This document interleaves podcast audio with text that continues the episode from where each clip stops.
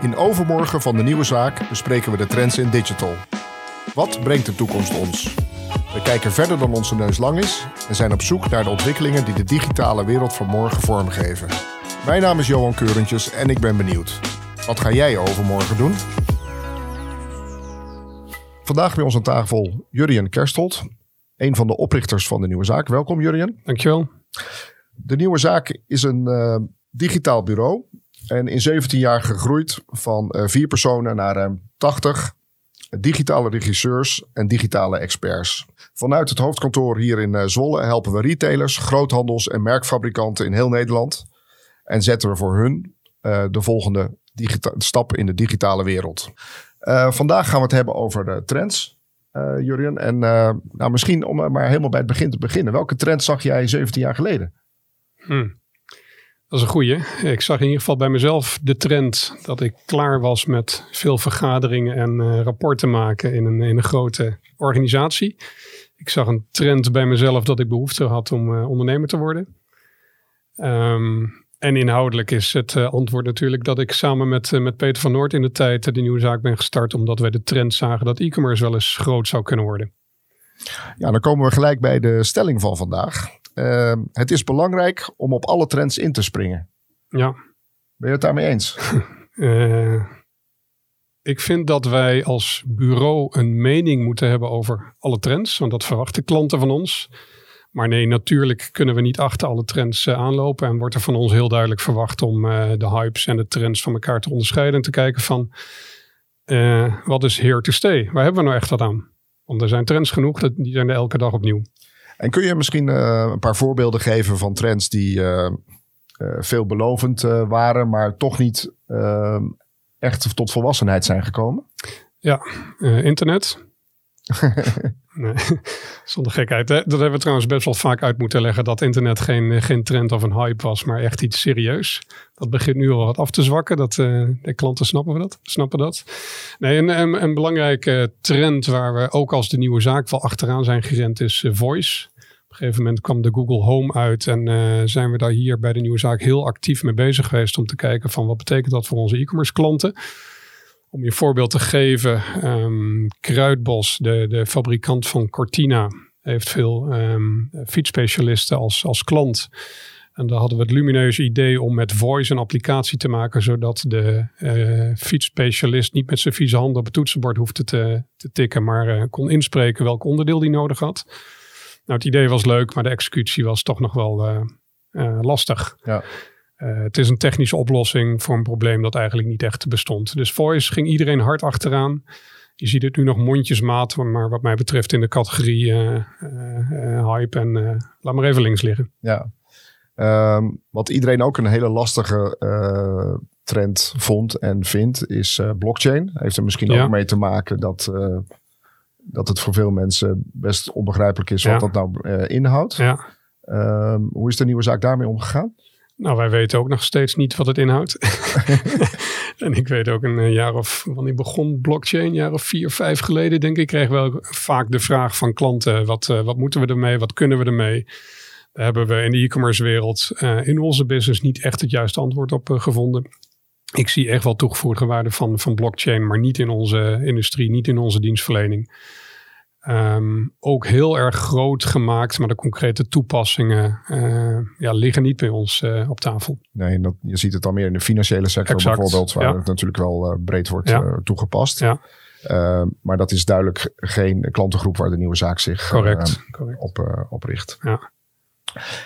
Um, dat zijn trends uh, waar de nieuwe zaak naar gekeken heeft uh, en uiteindelijk niet uh, ja, in hun primaire business, in hun advisering naar klanten heeft opgenomen. Kun je ehm, een paar voorbeelden geven van trends waar we nu middenin zitten, ja. waar we nu druk mee zijn? Ja. Ik denk een hele belangrijke is, is marketplaces. Ik denk dat we voorbij de trend zijn. Maar ik kan me herinneren toen we hier dit pand openden, een jaar of zes geleden, hebben we een spreker gehad die ons heeft meegenomen in de wereld van, van marketplaces.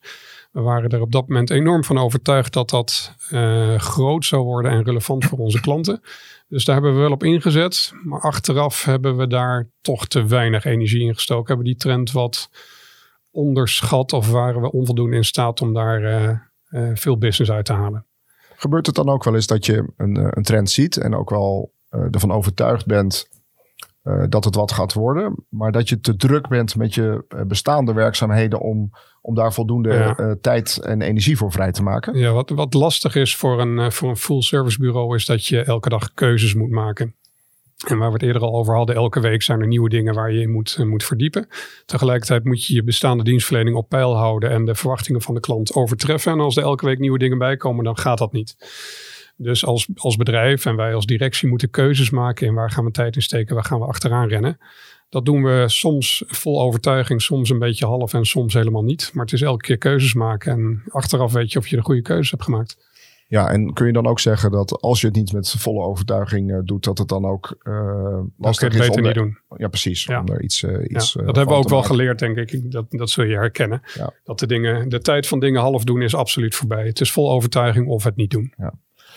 Wat ik ook wel interessant vind om te zien is, als je kijkt naar de digitale volwassenheid van, van ondernemingen. Uh, dan uh, heb je te maken met, met bedrijven in de e-commerce sector zoals Amazon of dichterbij en Bol, die natuurlijk heel erg ver zijn. Mm -hmm. en wellicht al met andere trends bezig zijn dan ehm, het gemiddelde B2B, ja. de gemiddelde B2B onderneming.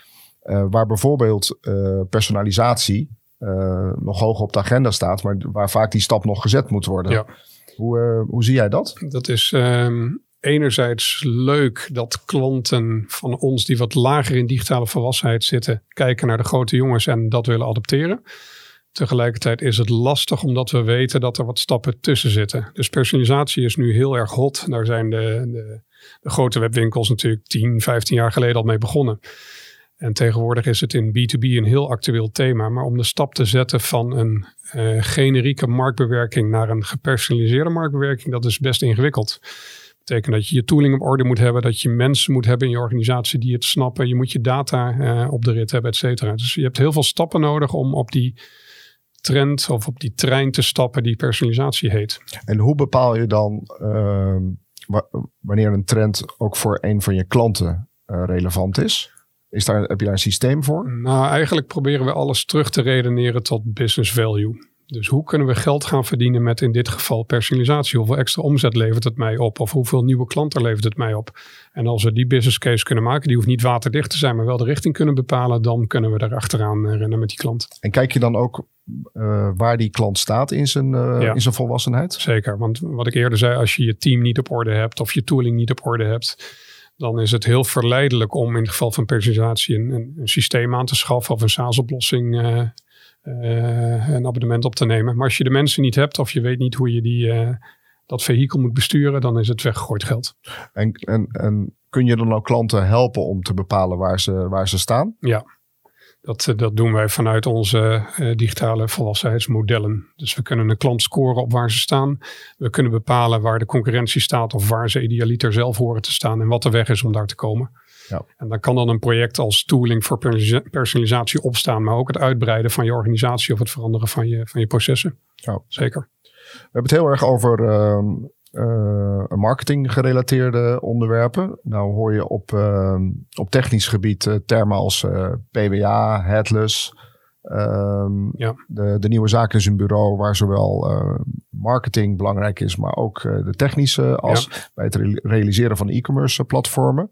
Hoe ga je dan om met dat soort technische trends? Ja, goede vraag. Daar zien we ook dat tegenwoordig elke aanvraag die we krijgen staat uh, PWA in, Pro Progressive Web App of Headless. Iedereen noemt dat. Maar het is ook een enorm containerbegrip zonder dat de vragende partij uh, de impact altijd kan bepalen. Dus we gaan heel duidelijk met die klanten dialoog aan van joh, wat je hier noemt is best wel leading edge technology. Ben je er klaar voor als organisatie? Waarom zouden we niet eerst een stapje terug doen, dan beginnen en vervolgens uh, weer vooruit gaan? Dus daar hebben we een soort um, educatieve rol eigenlijk wel. Ja.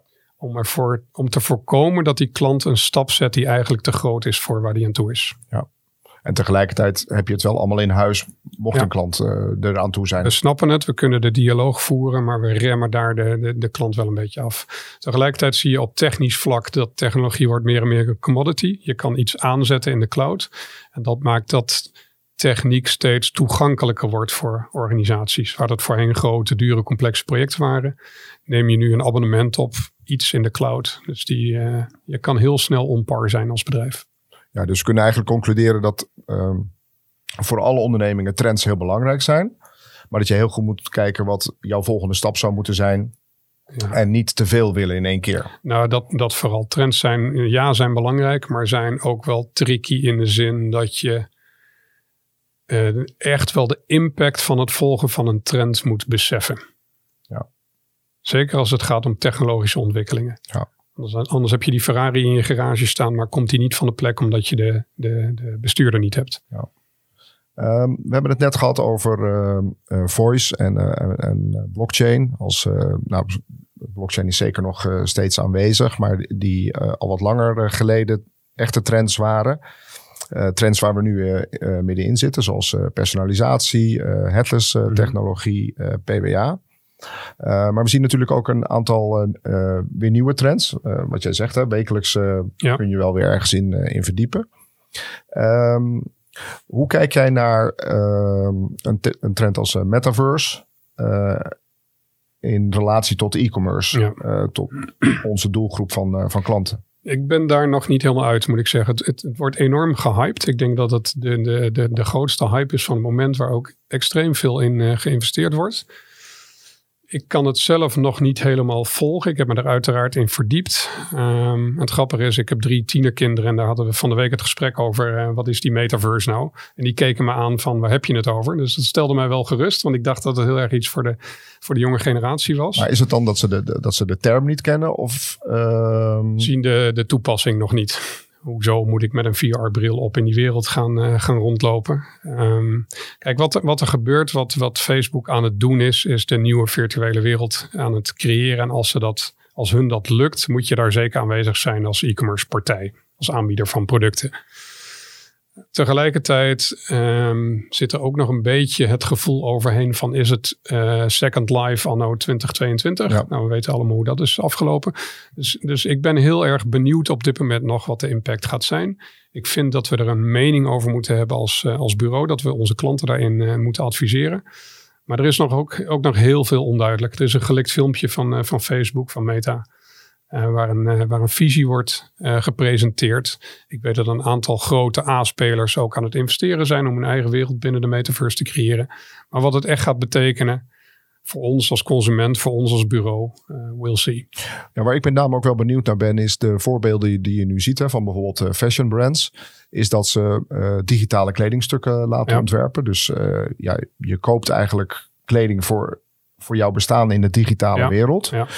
Uh, verwacht jij dat er ook um, uh, in die digitale wereld dan ook weer offline aankopen, dus aankopen die je gewoon mm -hmm. fysiek in de echte wereld ja. dragen uh, nou, volgens, volgens, mij gebeurt dat voor een deel al in de grote online games, waar je ook uh, kan betalen voor kledingstukken, voor wapens, voor andere features. Ja, ja. En je ziet daar een, dat daar een hele duidelijke merchandise spin-off is naar de offline wereld. Dus dat is online begonnen en zeker heeft dat een offline effect. Dus dat vehikel bestaat aan zich, maar of Facebook in staat is om dat onder de hele grote metaverse paraplu te, te brengen, dat, dat ja, ben ik heel benieuwd naar. Ja. Zie jij zelf nog uh, uh, hele nieuwe trends op dit moment die je zou willen benoemen? Nou, wat, wat eentje is waar iedereen het tegenwoordig op uh, feestjes over heeft, zijn de NFT's. Ja. Dus de digitale waarheidscertificaten die verhandeld worden, die heel veel geld waard kunnen zijn. Maar dat voelt nog een beetje als gambling op dit moment. er zit wel wat in. Dus digitaal, het digitaal aantonen van echtheid heeft wel degelijk waarde. Maar het zit nu nog in, het, in de speculatieve hoek, wat mij betreft. Ja. Ook één om wel te volgen. Ja. Um, nou weet ik dat jij um, ook wel een beetje uh, dingen uitprobeert. Uh, wat natuurlijk gebaseerd is op blockchain technologie, uh, crypto's bijvoorbeeld. Mm, daar hebben we allemaal wel onze goede en misschien mm. minder goede ervaringen mee. Um, heb je zelf je eerste NFT aankoop ook al gedaan? Nee, nee zeker niet. Jij? Nee, nog niet. Nee. ik, ik voel me nog niet heel erg aangetrokken. En ik weet niet precies hoe dat, uh, hoe dat komt, eerlijk gezegd. Het, het, misschien wel dat het, dat het hype slash speculatieve gehalte nog erg hoog is. Ja, ik denk dat, dat we wel kunnen zeggen dat uh, de nieuwe zaak erg op de hoogte is van de trends en ze volgt. Maar het is ehm, in, in de wereld niet de absolute wij starten geen trends. Hè? We zijn geen innovator wat dat betreft. Nee, we starten geen trends. We hoeven ook zeker niet voorop te lopen. We moeten onze klanten behoeden voor, het, uh, voor de valkuilen die er uh, bestaan rondom uh, hypes en trends. Um, maar we moeten wel degelijk blijven innoveren. Dus we, we, we, blijven de tijd en energie insteken. We proberen de krent uit de pap te pikken en daar onze klanten mee te helpen. En zie je nu ook dat, ehm, dat er wat andere bewegingen, andere trends ontstaan naar aanleiding van de wereld waar we nu mm -hmm voor een groot gedeelte uitkomen. De, de, de hele COVID-crisis, ja. die uh, misschien aan, later dit jaar wel weer oplaait. Maar ook natuurlijk waar we mee te maken hebben met de oorlog in Oekraïne. En ja. alle gevolgen die dat heeft in, de, in de voedselproductie, oplopende inflatie. Leidt dat tot andere trends of het anders omgaan met trends? Ja, ik, ik denk in onze wereld, in het e-commerce domein, zie je dat cross-border verkopen toch wel wat onder druk staan. De consument die denkt na voordat hij zijn bestelling in China plaatst, waar hij die ook in Europa kan, uh, kan plaatsen. En ik zie vanuit de duurzaamheidsas behoorlijk wat initiatieven ontstaan. En een van de bekendere is dat het steeds meer geaccepteerd wordt om te betalen voor een retourzending. Dus niet zomaar vijf maanden bestellen van iets, maar bewust nadenken over je aankoop, zodat je minder retourbewegingen hebt. Je ziet ook in het uh, logistieke domein, dus de, de bezorging van de spullen van onze klanten, wordt ook steeds meer de keuze geboden om dat op een elektrische bakfiets te doen of iets in die, uh, in die geest. Dus ik denk duurzaamheid en globalisering zijn uh, hard aan het veranderen als gevolg van wat er in de wereld gebeurt. En met globalisering bedoel je dan eigenlijk lokalisering? Wat ja, weer, de, ja, de terug, teruggaande beweging. Ja. ja. De afsluitende vraag van deze podcast eh, we hebben het gehad over, eh, over de nieuwe zaak, eh, over, over de klanten. maar wat ga jij overmorgen doen? Overmorgen, we nemen deze podcast op op de dag voor Hemelvaartsdag. Dus morgen ga ik helemaal niks doen. En ik denk eigenlijk die vrijdag ook niet. het is het ideale lange weekend, dus daar ga ik van genieten.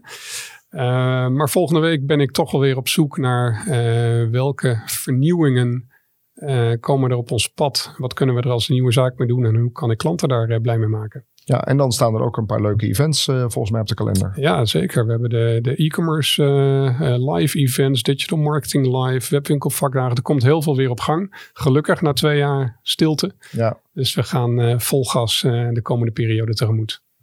Dank voor je tijd vandaag en veel succes voor ons samen met de nieuwe zaak. Graag Dankjewel. Dit was Overmorgen. Volg ons op Spotify, Apple Podcast of het platform waarop je nu luistert. En check alle show notes op denieuwezaak.nl slash overmorgen. Ben jij eruit wat je overmorgen gaat doen? Deel het op je socials of laat een review achter in de podcast app.